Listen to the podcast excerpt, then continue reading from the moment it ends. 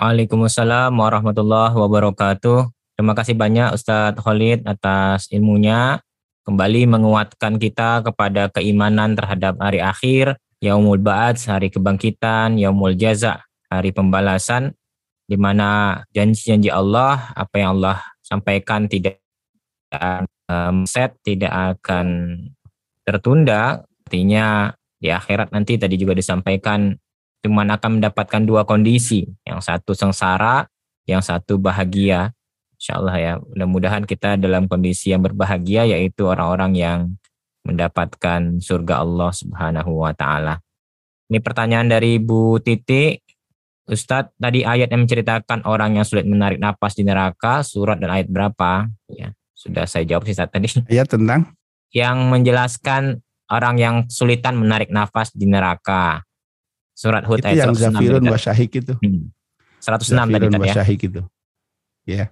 Ya, ayat sudah saya jawab beliau tadi. Sudah saya japri juga. Kemudian jawaban pertanyaan dari Pak Sukailan juga sudah dijawab. Ilmu Ustaz tadi di materi tentang orang yang punya kebaikan sedikit dalam keimanannya nanti di neraka apakah nanti akan dimasukkan surga ya nanti akan dimasukkan surga Allah tadi sudah jawab Ustaz. Pertanyaan berikutnya adalah bagaimana seandainya ada orang yang kebaikan dan keburukannya sama di akhirat nanti Ustaz? Bagaimana itu? Jadi timbangan ya, amal itu, baik dan amal buruknya sama. Ya pasti akan rahmat Allah akan melebihi apa azabnya ya. Jadi Allah pasti akan memberikan rahmat untuk yang seperti itu.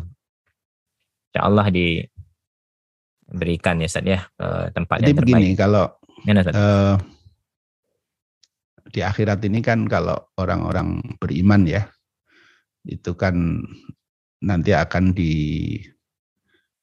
hisap hisap itu dihitung dilihat catatan-catatan amalnya kemudian setelah itu ditimbang ada mizan.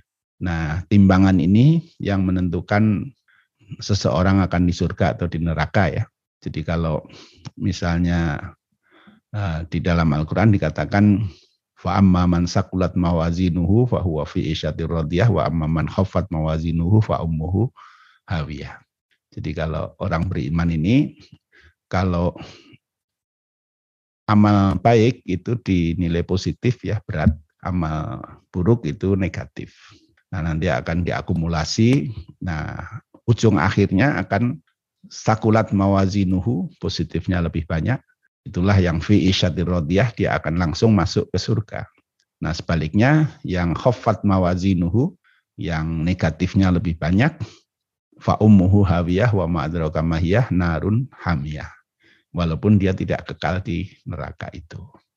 Nah yang sama bagaimana? Nah, inilah tentu rahmat Allah yang akan menyelesaikannya. Wallahu alam.